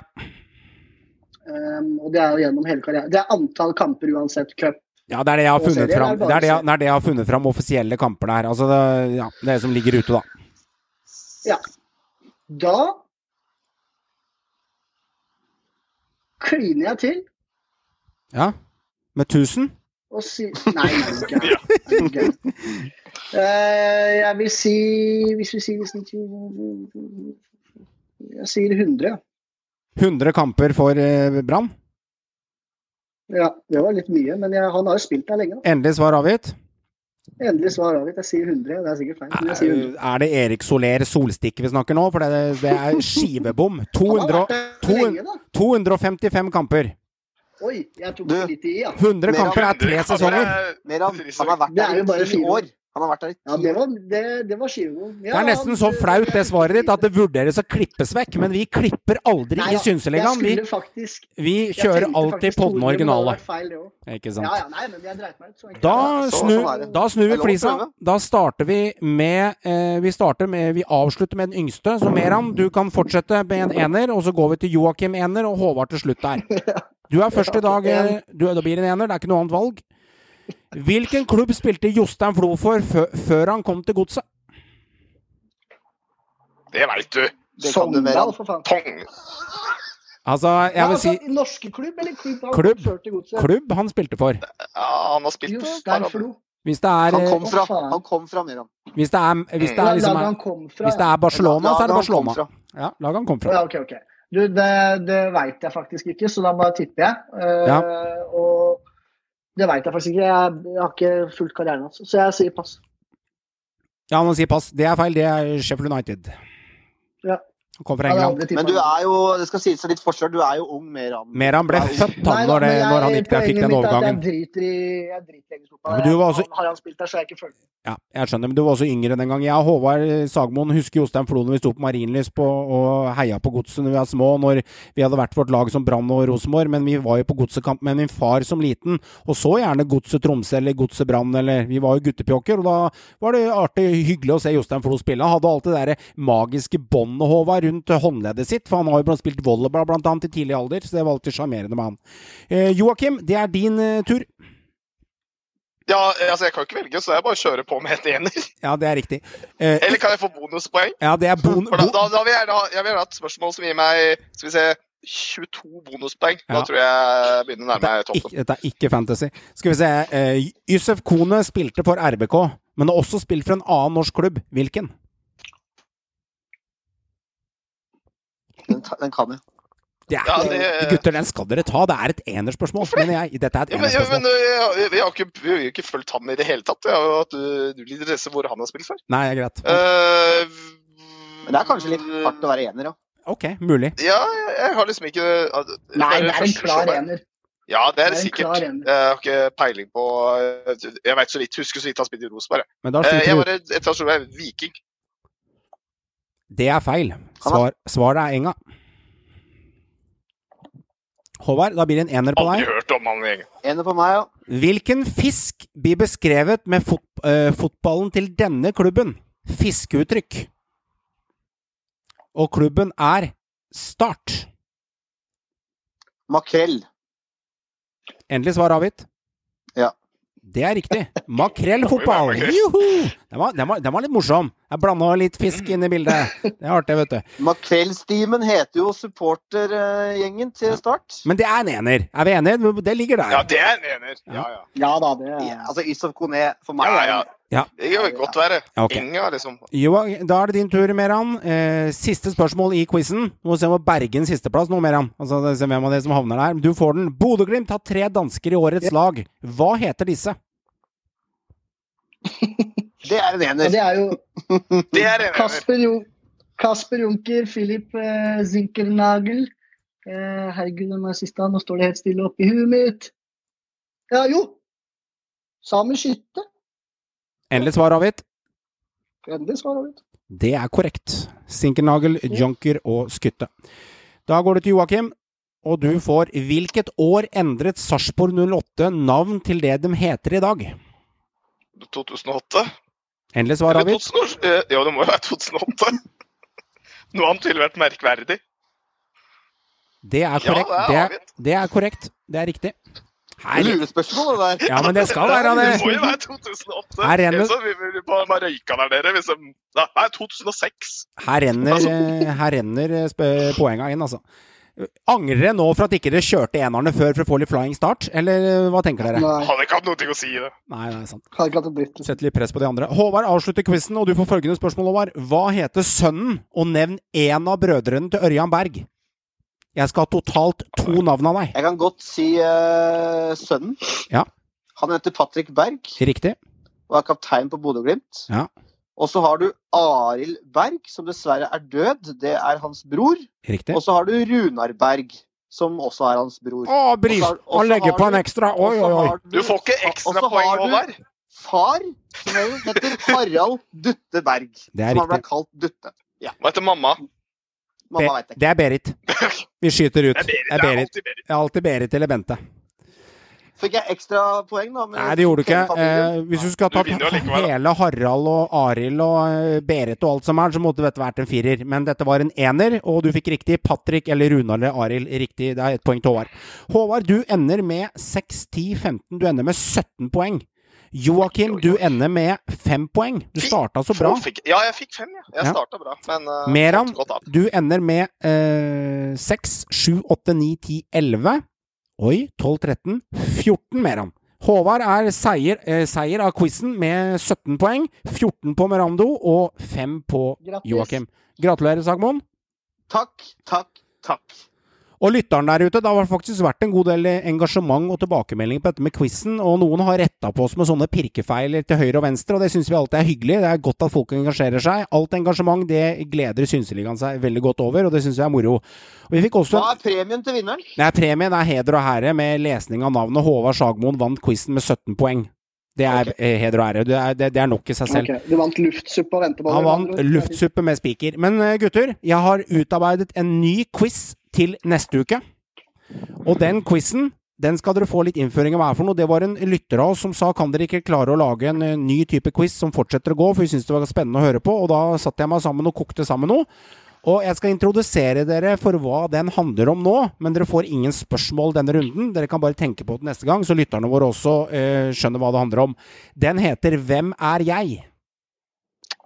Det går ut på, det går ut på at jeg leser Det er elleve hint på en fotballspiller. Og grunnen Får vi at poeng hvor fort Ja, OK. La meg snakke ferdig. La meg snakke ferdig. Det er elleve hint på en fotballspiller. Grunnen til at jeg putter opp elleve, er fordi at det er elleve mann på en bane. Jeg har gjort det litt sånn romantisk på den måten. Så det jeg gjør, er at jeg sier for eksempel Han er spiss. Han er født i det året. Han spilte for den klubben. Han var i den utenlandsklubben. Han skåret så og så mange i utenlandsoppholdet sitt i IFK Göteborg. Og så nevner jeg hint hele veien, helt til dere skjønner hvem spiller det er, og da sier dere Riktig. Og da sier du stopp. Ja, men her er greia. Da sier du stopp. Ja. Og når jeg har da kommet nedover, så har jeg lest Jo mer hint jeg har lest, jo mindre poeng får du. Hvis jeg leser få Ja, ja. hint, så får du flere poeng. For det betyr at du har høyere kunnskap. Nevner du Men det årstall og sånne ting da? Jeg nevner, jeg nevner litt forskjellig fra spiller til spiller, så la oss jeg skal ta en test på dere nå, da, så kan vi jo leke Ja. med den. Og vi kommer ikke til å Dette er uoffisielt, og det, neste uke starter vi med, starter vi med eh, quizen 'Hvem er jeg?' Hvis vi tar Steffen Iversen, da.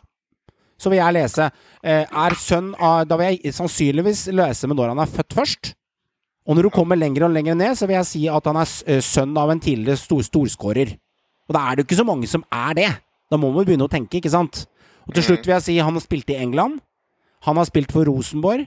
Han har også spilt for Vålerenga, og da begynner jo dere å skjønne hvem dette er. Ja, ja, ja. Og da tipper man den. Vi skjønner poenget. Sånn funker den. Men, eh, men eh, er- det et spørsmål til liksom én til Er det sånn Her er det en vri. Eller Her er det- mot alle? Her er det en vri.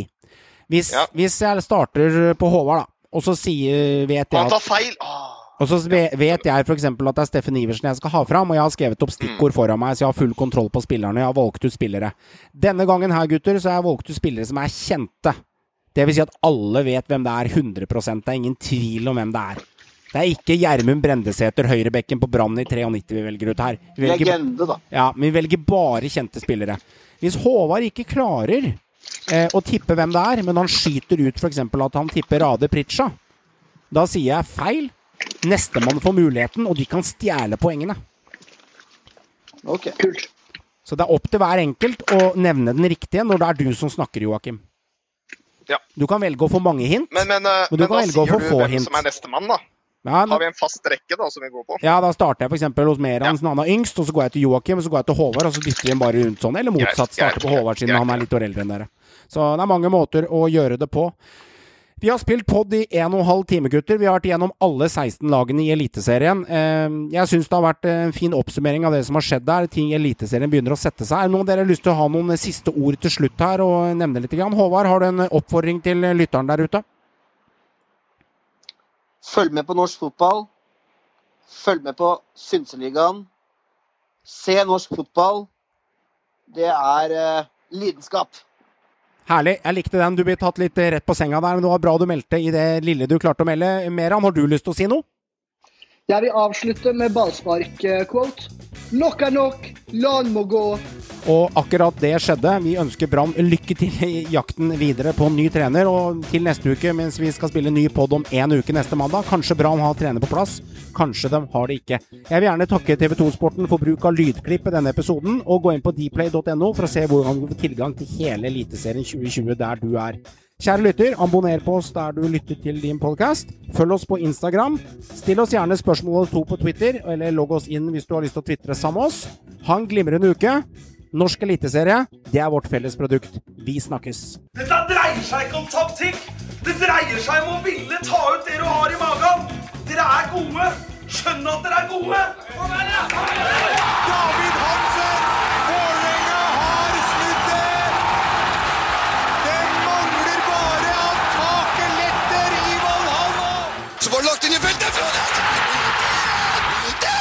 88-55 på tavla! Frode Johnsen har skåra tre!